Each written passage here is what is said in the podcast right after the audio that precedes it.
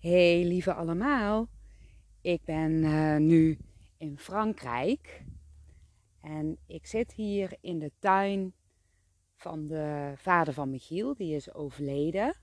En daarom zijn we dus ook in Frankrijk. En het is echt in the middle of nowhere op een uh, berg. En ik kijk zo uit over de vallei. Ik heb er een foto uh, van gemaakt vanochtend. Die heb ik op Facebook gezet. Misschien staat hij ook op Instagram, maar dat weet ik niet zeker. Maar in ieder geval, het is uh, hier wel heel mooi hoor. Heel stil, heel rustig. De natuur is ja, prachtig. Net uh, ben ik een stuk gaan wandelen. En uh, ja, toen, toen gingen we helemaal zo naar beneden toe. Het bospaddenstoelenpad, zo uh, noemt Gonnie het. Dat is de vrouw van Michiels vader. En uh, ja, zijn we daar eens gewoon een beetje gaan rondlopen. Geen paddenstoel te zien, want volgens mij zijn de paddenstoelen in de herfst uh, zichtbaar en nu niet. Maar wel, uh, ja, prachtige omgeving. En dan kom je gewoon, ja, ineens zo'n hol tegen van een vos. Ja, zo mooi. Je loopt ook verder helemaal niemand, alleen ja, wie hier woont. Nou, daar zijn niet veel mensen. Nou, uh, alleen eigenlijk nog uh, Gonnie en uh, ja, een paar andere huisjes uh, zie ik nog wel. Maar het is heel stil, heel stil. Heel, heel fijn ook wel. Maar ja, de vader van Michiel is dus overleden, al eventjes geleden. Ik weet eventjes niet de datum, zeg. Maar dat is alweer anderhalf week zeker geleden. Maar die is nog niet uh, want die wordt gecremeerd. Morgen is de dienst en zo. En uh, vanochtend zijn we gaan kijken um, in een ander dorpje waar hij ligt. En uh, ja, daar lag hij opgebaard. Dus ja, hij ligt dan eigenlijk in, uh, in zo'n koeling. Ja, ik, kan, ik weet niet hoe, hoe je het anders moet noemen. Dat klinkt een beetje oneerbiedig, of hoe zeg je zoiets. Maar daardoor is zijn lichaam nog wel heel, um, ja, heel, heel mooi. Dus uh, de kleur was wel erg bleek. Maar ja, dat komt ook natuurlijk omdat hij al eventjes is overleden. Maar voor de rest zag het er wel uh, ja, gewoon goed uit. In eerste instantie had ik zoiets van, ja, ik wil wel mee daar naartoe, maar ik hoef uh, geen afscheid te nemen van het lichaam uh, ja, dat was eigenlijk mijn eerste gevoel. Maar ik had wel ook meteen zoiets van dat gevoel dat zou ook nog wel eens kunnen veranderen. Want ja, ik ga dan echt op het gevoel af van het moment zelf. Dus um, ja, ik had mij voorgenomen van nou, ik zie wel, ik ga mee. En um, ja, op het moment zelf beslis ik wel. En toen uh, heb ik eerst gewoon Michiel alleen gelaten daar. Ik had zoiets van, ja, dat voelt goed dat hij even helemaal alleen is. Samen met het lichaam van zijn vader. En verder even niemand erbij. Dus heb ik gewoon even gewacht. En toen kwam hij uh, terug. En ja, dat was voor hem heel erg fijn om dat te doen. Dat zag ik ook aan zijn snoet. En daarna zijn we met z'n allen nog eventjes... Uh, gewoon toch gaan kijken. Toen ben ik toch meegegaan. Ik denk, ja, ik wil, wil toch mee. En uh, ja, iedereen reageert dan ook weer uh, anders. Hè? Dat is wel, ja, vind ik altijd wel heel bijzonder om, om te zien. Zelf persoonlijk heb ik niet zoveel met het achtergebleven uh, lichaam. Je hoort een straaljager in de lucht. Zo. De stilte is eventjes weg maar misschien horen jullie mij nog. Maar uh, zelf heb ik vaak, ja, of eigenlijk nooit echt iets met het uh, ja, lichaam. Want de ziel is er dan gewoon uit. Je ziet dat ook. Hè? Ik heb best wel veel overleden mensen al gezien. Um, ja, en ik bedoel dan dus het lichaam hè, van de overledene die dus opgebaard ligt. En ja, meestal voel ik toch wel ja, de energie of zie ik de energie naast het uh, lichaam. Ik moet zeggen dat ik dat vandaag uh, niet heb uh, gezien of gevoeld. En dat is ook helemaal oké. Wel voel ik ehm, de energie van Michiels vader heel erg hier eh, in het huis en om het huis heen. En ja, ja ik weet niet hoe ik het uit moet leggen, maar dat is een heel fijn en vredig uh, gevoel. Maar even om terug te komen op ja, iemand die opgebaard ligt. Ja, het lichaam is natuurlijk ook koud. En het ziet er ook anders uit vaak.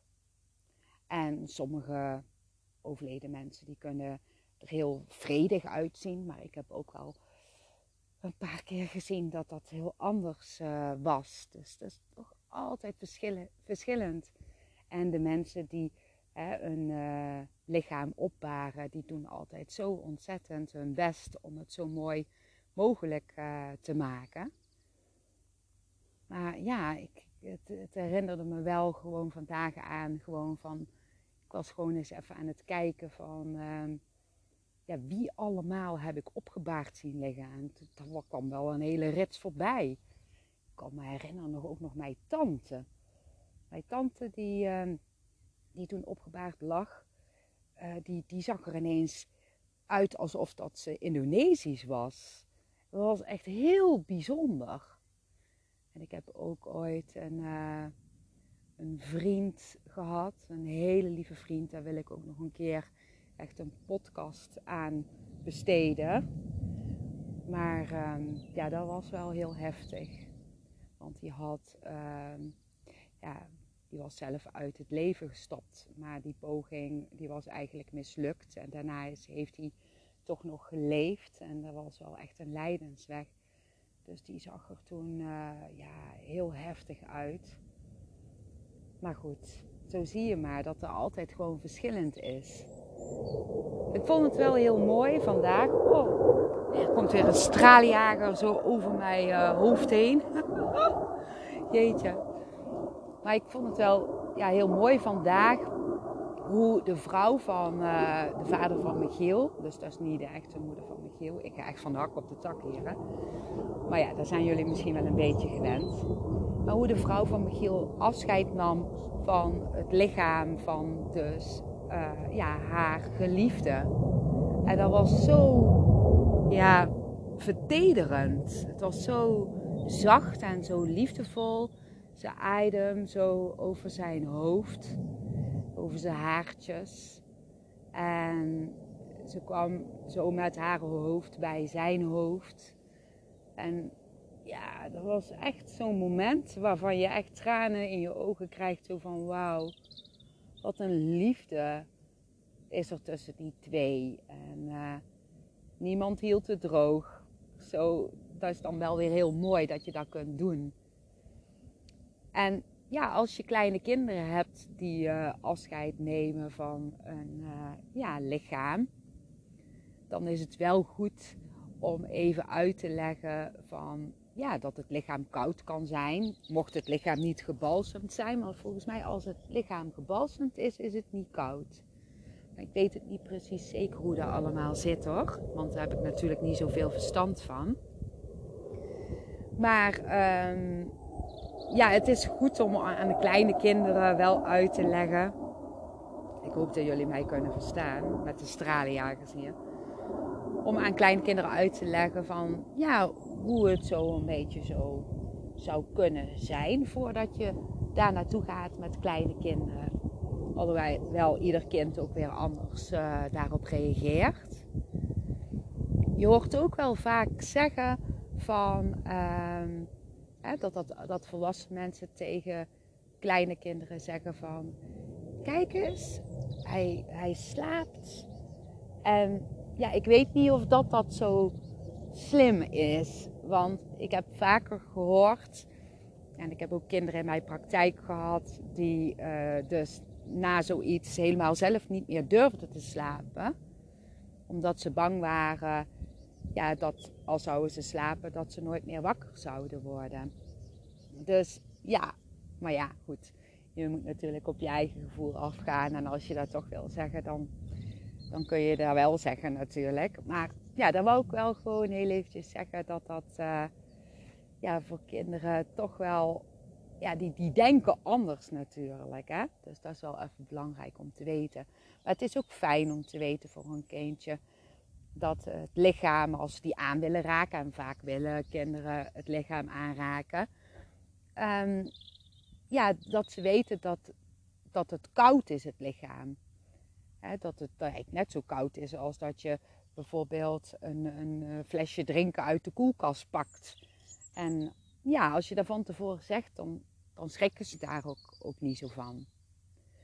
Toen ons pap was overleden, toen lag uh, ons pap opgebaard in het hok van Malle Pietje, zo noemden, de, noemden we dat. Dat was uh, een soort van ja, schuurtje, uh, ja, half huisje, schuurtje naast ons huis, ons ouderlijk huis. En ehm, ja, dat, dat, dat hokje, schuurtje of hoe je het ook wil noemen, ja, daar noemden we dus ja, het huisje van Malle Pietje, omdat daar allemaal spulletjes lagen die ons pap had verzameld voor alle reizen.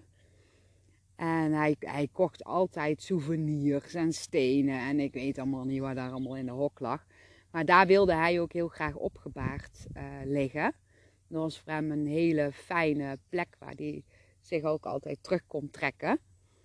En uh, ja, die lag daar opgebaard. En uh, ons pap had ook zijn eigen kist zelf nog in elkaar kunnen timmeren van oud stijgerhout wat hij ergens uh, op de kop had getikt van een of andere bouw wat over was. En ik had toen de kist beschilderd en toen hebben we ook samen met alle kleinkinderen die kist ehm, ja, nog mooier gemaakt door handafdrukjes ehm, ja, erop te maken en dat ze iets liefs erbij konden tekenen of bij konden schrijven. En dat was ehm, ja, wel heel, heel erg fijn voor die kinderen om zo ja, afscheid te kunnen nemen. Um, hoewel mijn uh, schoonzus uh, het best wel spannend vond om het lichaam ja, te zien.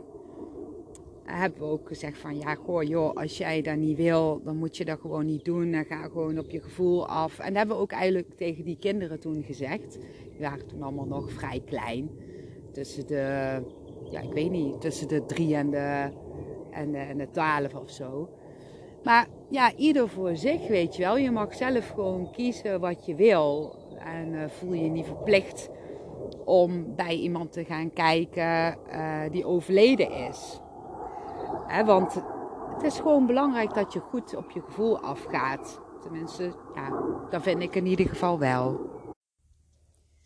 Het is wel ja, ook apart hè, als ja, een van je ouders of geliefden. En in dit geval gaat het dan om mijn schoonvader, die woont dan in, uh, of ja, woonde dan in uh, Frankrijk. En dat is toch wel raar als, als iemand dan ja, op sterven ligt, hè, want hij was dus uh, heel ziek. En ja, er, er is zo'n afstand tussen. Want het, er is best wel een afstand het is even kijken, ongeveer 11 uur of zo van Nederland naar Frankrijk toe met de auto. Ja, dus dat is wel even een eindje rijden. Je gaat niet even zomaar uh, hoppakee, ja, regelmatig op en neer of zo. Maar ik ben wel heel blij dat Michiel, mijn partner dus, um, ja, wel nog twee keer um, in een maand tijd op en neer is gegaan. En heel goed afscheid heeft kunnen nemen ja, van zijn vader. Toen zijn vader dus nog, nog leefde en op sterven lag. En hebben ze eigenlijk alles besproken wat ze nog tegen elkaar wilden zeggen. En was zo fijn. En uh, ik denk dat dat voor degene die stervende is ook heel erg belangrijk is. Maar ja, toch is het lastig als ja, je geliefde dan in een ander land woont en dat je zo'n ja, reis dan de hele tijd hebt. Zo is dat ook bij um, de moeder van Michiel geweest. Die woonde in Australië. Ja, we hebben over heel de wereld familie. En uh, toen die moeder van Michiel op sterven lag, want die was dus ook ziek. Uh, toen is Michiel nog wel uh, naar die moeder gegaan om ook afscheid te nemen toen die moeder nog leefde. En toen zij was overleden, toen zat hij heel erg te twijfelen. Zoals nu ook de broer van Michiel, want die woont in Australië. En ook heel erg aan het twijfelen van, ja, moet ik nou komen ja, voor de dienst? Hè? Want die broer van Michiel, die was wel um, nog eventjes samen met Michiel op en neer geweest. Uh, ja, vanuit dus Australië naar Nederland, van Nederland weer naar Frankrijk, als jullie mij nog kunnen volgen. Dus die, die had al ook heel fijn afscheid genomen. Maar ja, um, die had zoiets van, en had Michiel toen nog tijd met zijn moeder ook van, ja, moet ik nou ook nog naar die dienst toe? En ja, de vraag is van doe je dat dan echt voor jezelf omdat je bij die ceremonie of dienst echt wil zijn voor jezelf? Of doe je dat uit een soort van verplichting? Of doe je dat om er zijn voor, er, ervoor te zijn voor ja, jouw andere familieleden? Of waarom ja, wil je dat, zou je dat dan willen doen? En uh, ja, het, het, was wel duidelijk, zowel voor Michiel, uh, toen die moeder van Michiel uh, was overleden, en nu voor de broer van Michiel, nu die vader is overleden, dat ze eigenlijk zoiets hadden van, ja, we kunnen nou wel ja, bij die dienst zijn, maar ja, wat voegt dat nu toe? Ja, dat was voor hun zo persoonlijk, hè? Want dan zou ze het echt doen voor de anderen. Maar ja, ik, ik, ik zou zeggen van doe dat voor jezelf. En uh, ja, dat is dan wel een keuze die je dan moet maken. Waar je dan misschien best wel over zou kunnen twijfelen. Maar het is heel belangrijk dat jij er een goed gevoel bij hebt. En ik weet zeker, of ja, ik mag niet zeggen zeker, maar voor mij voelt dat wel zeker. Dat iemand die overleden is. Um, en je kan niet bij die dienst zijn omdat het gewoon veel te ver weg is. Of het voelt toch ergens niet oké om bij die dienst te zijn, om wat voor reden dan ook. Dat de overleden persoon daar echt wel begrijpt. Ja. Ja ik geloof namelijk dat een overleden persoon. Uh, um, ja, bewust is van hoe jij het voelt. En uh, dat is heel anders als jij nog leeft. Dus ja. Dus daarom is het heel belangrijk om het te doen voor jezelf. En dat telt ook van als jij nog iemand wil zien die dus overleden is. Hè, dus die opgebaard ligt. Doe je dat dan ja, echt voor jezelf omdat je dat wil? Of doe je dat uit een verplichting omdat iedereen het doet? En misschien heb jij dan wel daarna helemaal geen fijn beeld en wil jij gewoon juist iemand herinneren toen hij nog leefde in plaats van het beeld wat je toch wel ja, lang vast kunt houden van iemand die opgebaard ligt. Ja, dus dat is echt zo persoonlijk ja, ik heb ook ooit meegemaakt dat toen uh, was het nog niet zo mondig als nu. Dat uh, ja, iemand tegen mij zei van ja, jij moet wel echt mee. Ik vind dat wel echt dat, eh, dat je dat moet doen. En toen ben ik meegegaan en dat voelde helemaal niet fijn. Dat voelde echt zo niet goed. Ja, uh, maar dat kwam gewoon omdat ik op dat moment gewoon diegene wilde herinneren. Ja, als toen hij nog leefde en niet als uh, hoe hij dood was, zeg maar. Ja. En uh, ik moet ook ineens denken aan de eerste keer dat ik een overleden persoon zag. En die dus opgebaard lag, want dat is iets anders als een overleden persoon zien. Zoals ik ze normaal zie elke dag. ja, dan zie ik ze in energievorm en niet opgebaard. Hè? Dat zie ik niet, niet dagelijks. Maar um, ja, de eerste keer was ik 12 en toen was opaatje overleden. Mijn allerliefste, liefste, liefste lievelingsopaatje. En dat kan ik me nog zo goed herinneren. Hij lag op zijn slaapkamer, opgebaard. En ehm, ja, iedereen die ging afscheid nemen van dat lichaam. En ja, ik, ja, ik ging gewoon mee. Ik, volgens mij heb ik er niet eens over nagedacht, wel of niet. Uh, nee, ik ging gewoon mee. Ik was toen ook altijd wel heel erg nieuwsgierig en onderzoekend. Dus ik ging toen gewoon mee. En iedereen die zat zo uh, te kijken naar dat lichaam. En uh, ja, hij ligt er mooi bij. Hij ligt er heel mooi bij. En ik zag opa gewoon naast zijn lichaam staan. En die was zo aan het lachen naar mij en ik was gewoon met hem aan het communiceren. Dat was eigenlijk de eerste keer dat ik echt heel duidelijk uh, iemand zag. Met uh, ja, mijn derde oog dan blijkbaar. Ja, dus in energievorm. Maar dat was echt zo apart. Daar snapte ik helemaal niks van. Want ik zag dus ook meteen dat niemand dat zag. Alleen ik en opa. Oh, dat was ja, heel bijzonder. En uh, ja, opa was uh, gewoon aan het babbelen tegen mij. Ja.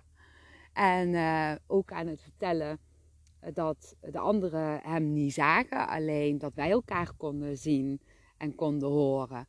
En daarna heb ik natuurlijk 100 miljoen vragen gesteld aan mijn ouders. Die werden helemaal gek van mij. Volgens mij heb ik dat al eens eerder ook in een podcast gezegd. Ja, en uh, ik wilde toen ook weten van, ja, hoe zit het nou als je dood bent? Waar ga je dan naartoe? En mama die zei van, ja, je hebt de hemel en je hebt de hel. En als je um, jokt, dan ga je naar de hel. En dat vond ik doodeng. Ik denk, nou dat klopt helemaal niet. Maar ja, dit zijn toch je ouders. Dus ja, moet je, dan, moet je het dan geloven of niet? Maar het voelde niet goed, dat weet ik wel. En mijn vader die werd op een gegeven moment zo gek van mij en die zei van als je dood bent, dan is er helemaal niks. Helemaal niks. Er is helemaal niks. En de vader van Michiel, die heeft daar ook zo gezegd. Als ik dood ben, dan is er helemaal niks. Misschien komt het daarom wel dat ik niet zo um, hem echt zo voor me zie. Alhoewel, als ik er nou zo over aan het praten ben, dan voel ik wel zijn energie heel dicht in de buurt. Maar ik zie hem niet. En ik denk dat ik hem dadelijk wel ga zien. Ik heb het gevoel van wel. Dat is echt heel apart. Ja, want ik zie hem nu wel. Um, ja, dus echt, ik zie zijn energie. Eerst voelde ik hem, je zie hier zo om mij heen. Ik zit dus in zijn tuin, helemaal achterin. En ik kijk op de vallei. En daar is een boom. En hij staat zo tegen die boom met zijn hand zo in zijn zij. Hoezo zie jij mij niet? Echt zo grappig dit. Dat dat dan nu zo gebeurt. En uh, hij zegt tegen mij, zeg maar dat ik er dus toch gewoon ben. Want ik dacht dat ik er niet meer zou zijn, maar ik ben er. Dat is wat hij zegt. Oh, en ik zeg nou eigenlijk telepathisch tegen hem, want ik ben dus nou een podcast aan het inspreken. En ik ben tegelijkertijd met die overleden persoon hier, de vader van Michiel, aan het babbelen. Maar um, ja, dat is echt eventjes heel erg um, apart. ja. ja, maar hij, hij zegt dus van, uh, ja, ik ben er dus wel. Wie had dat gedacht? En hij vindt het heel erg mooi dat wij hier nu gewoon zijn. En hij zei tegen mij net ook, je wilde eigenlijk helemaal niet gaan, hè? Dat klopt. Ik wou eigenlijk helemaal niet gaan hier naartoe. Oh, dat is ook een heel verhaal.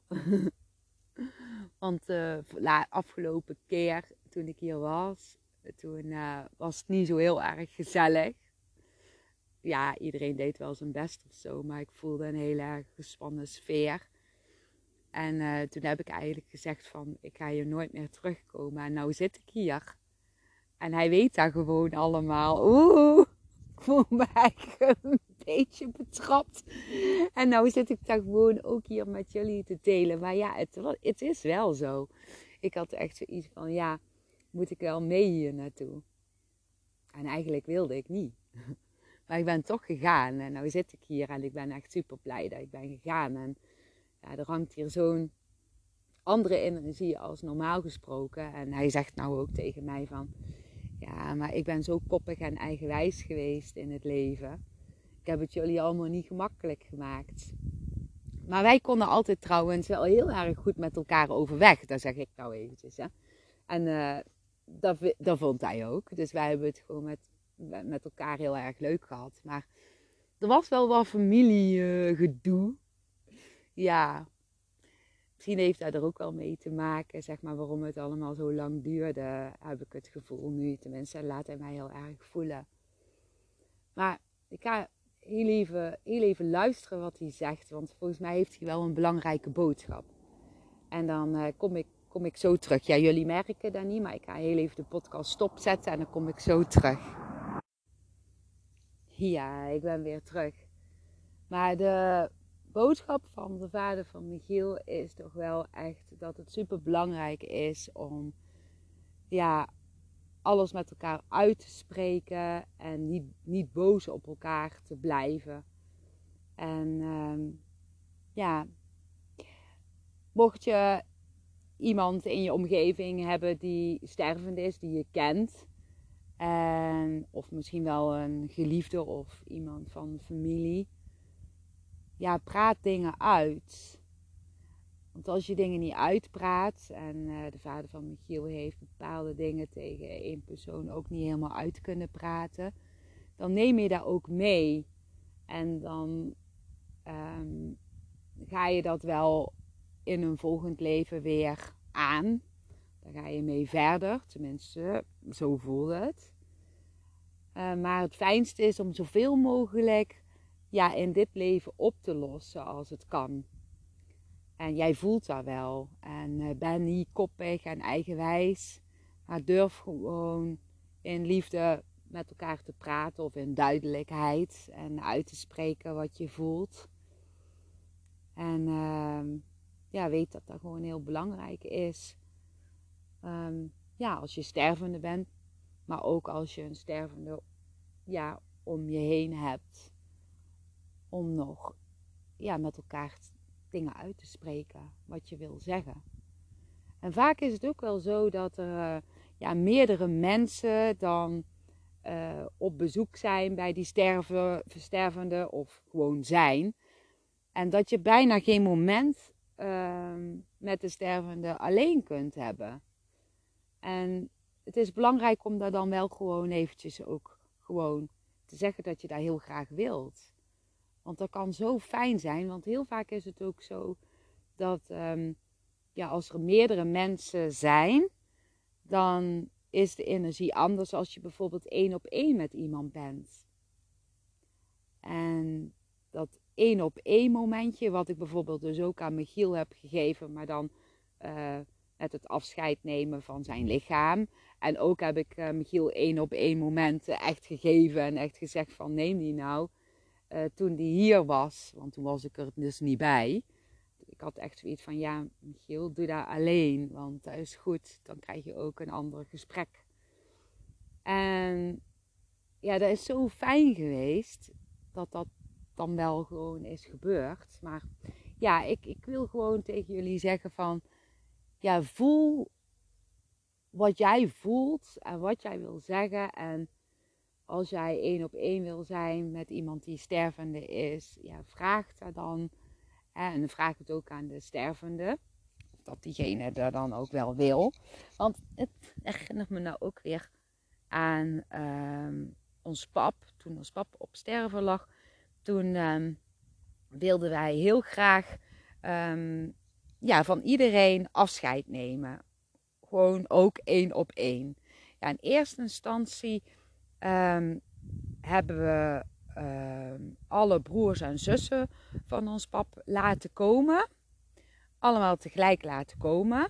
En hebben we gezegd, want zo wilde ons papa het ook graag en dat is zo mooi geweest. Van, hebben we van tevoren gezegd van jullie kunnen afscheid nemen. Jullie hebben allemaal ja, ongeveer 5 tot 10 minuutjes uh, dat je afscheid kunt nemen. Want dat was ook wat ons pap wilde. Niet langer, want dat, kon hij ook niet. Want dan was het allemaal veel te veel. Want dat is natuurlijk ja, dat kost ook, ook wel wat energie, hè. En hij had al helemaal geen energie. En uh, toen vroeg ons pap van, wil je alsjeblieft uh, dan erbij zitten en dan ook zeggen wanneer ze weer moeten gaan, want ik weet niet hoe ik dat moet zeggen. Dus ik ben eigenlijk gewoon op de achtergrond, um, moest ik er dan van ons pap bij blijven zitten. En um, dan, dan kwam hè, een broer of zus binnen van ons pap en die nam dan afscheid. En, en, en ik weet niet hoeveel bezoekjes daar, daar waren, een stuk of 15 bezoekjes. En daar ben ik allemaal ja, bij geweest en dat was zo intens mooi.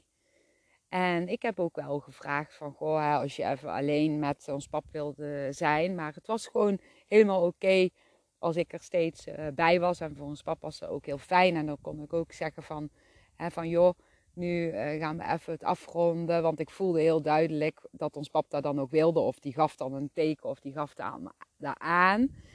En dat was echt um, ja, heel fijn voor hem. Heel fijn. En uh, wat ook nog gebeurde was. Dat wil ik, wil ik ook nog even vertellen. Er was een, uh, een man. En uh, ja, ik kan verder daar niet veel over vertellen. Maar um, die nam dus ook afscheid, een vriend hè, van ons pap. En uh, ik weet niet meer precies hoe dat afscheid ging hoor. Maar die, die zei van, nou, zegt hij, we komen elkaar vast en zeker wel, wel tegen. Je, je kon ook merken dat heel veel mensen moeite hadden met wat gaan we nou zeggen. Hè? Want dit is de laatste keer dat we hem zien. Wat moeten we nu zeggen? Maar weet je wat heel mooi is? Dat je bijvoorbeeld zegt van, uh, goh, ik weet eigenlijk helemaal niet wat ik moet zeggen. En dan komt er vanzelf een gesprek. Maar je kon wel zien dat iedereen daar wel moeite mee had van, goh, wat moet ik nu, nu, nu eigenlijk zeggen? Uh, maar die man, uh, die, die was ja, zo een beetje aan het zeggen van, ja, we komen elkaar vast nog wel een keertje tegen. En toen zei ons pap, die keek hem zo recht aan. En hij zei, ja, misschien duurt dat niet eens zo lang meer. En toen had ik echt zoiets van, oh, wat zegt hij nou? Dat was echt heel raar. En toen lachten ze gewoon zo tegen elkaar. Nou, en ja, ik denk twee jaar later of zo is die man ook overleden. En nu is die bij ons pap. Dus ja, een stervende die voelt vaak ook dingen aan. Hè? En ik denk dat ons pap heel erg kon voelen dat hij ook niet meer heel lang op deze aarde zou blijven. Dus ja, dat wilde ik gewoon eventjes delen. Al apart, hè. Dus ja, wat ik dus ook wil zeggen is van... Als, als een stervende iets zegt tegen je... Ja, dat is goed om, om daar goed naar te luisteren. Want die kunnen soms wel echt hele bijzondere dingen zeggen of dingen aanvoelen. Uh, ja, dat. En uh, ik wilde nog iets vertellen. Oh ja, oh ja. Want toen kwam er het moment, dus eerst was het afscheid van de broers en uh, zussen en nog wat vrienden van ons pap. En toen kwam het afscheid um, van, uh, ja, dat hij afscheid wilde nemen van Michiel, mijn partner. En van ons man en van mij en van mijn broer. En dan allemaal één op één, behalve bij mijn broer. Hij wilde dat ik daarbij zou zitten. Omdat hij wist dat, uh, dat mijn broer echt niet zou weten wat hij moest zeggen. En dat was zo'n ongemakkelijke situatie. En omdat ik heel gemakkelijk kan praten, uh, ja, wilde hij heel graag dat ik daarbij was. En uh, ja, dat was ook weer heel bijzonder. Want ik ging dan gewoon op een ja, eigenlijk hele grappige manier ja, het gesprek leiden of zo tussen hun. Want er ging een beetje zo'n hele gespannen spanningsveld of zo. Terwijl we een uh, gewoon een hele mooie verbinding met elkaar hebben hoor. Even voor de duidelijkheid. Maar ja, ik denk dat dat gewoon kwam omdat ze beiden niet heel erg goed um, hun gevoelens konden verwoorden of zo op een of andere manier ja, en dat was toch wel heel fijn dat ik daar dan, dan kon bij kon zitten. En dan dat gewoon, ja, gewoon een beetje zo kon, kon helpen daarmee. Dat was heel erg fijn. Ja.